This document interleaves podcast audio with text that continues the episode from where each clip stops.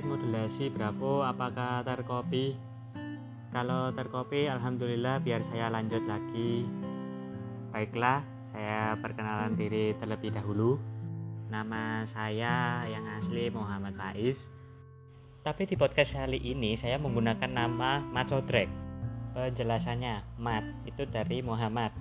Nama lain. Sedangkan Sodrek itu berarti motret dalam bahasa Malang karena saya punya hobi di bidang fotografi sebelumnya dan sampai sekarang masih berlanjut.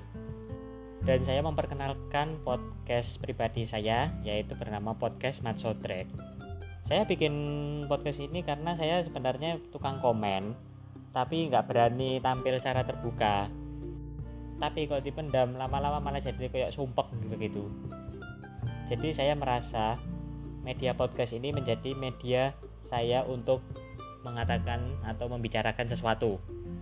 Misalnya curhat atau tentang pengalaman hidup yang saya alami bisa hobi dan seluk beluknya kadang bisa baca saja kok buatan saya sendiri.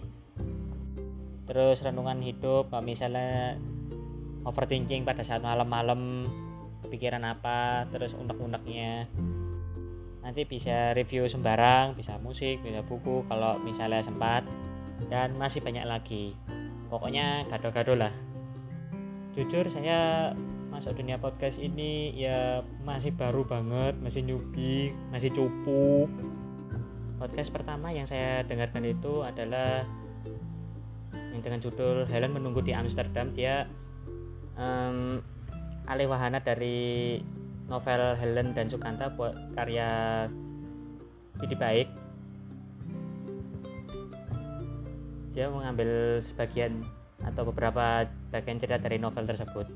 Sebenarnya tujuan membuat podcast ini selain mendapatkan penghasilan juga bagaimana saya ingin mengeluarkan pendapat mengeluarkan unek-unek atau pengen curhat karena memang saya nggak punya teman curhat ya. Dan podcast ini akan saya update tiap 1 sampai 2 minggu sekali dengan cerita yang gado-gado seperti yang saya sampaikan sebelumnya. Kalau kurang berkenan bisa menerima kritik dan saran, caci maki juga monggo. Kalau menarik dan berkesan ya saya ucapkan terima kasih karena jadi pendengar setia maupun subscribe dan atau setidaknya pernah mampir atau ingin mengulang-ulang lagi podcast ini sekian perkenalan dari saya Selamat menikmati podcast yang ala kadarnya ini. thank you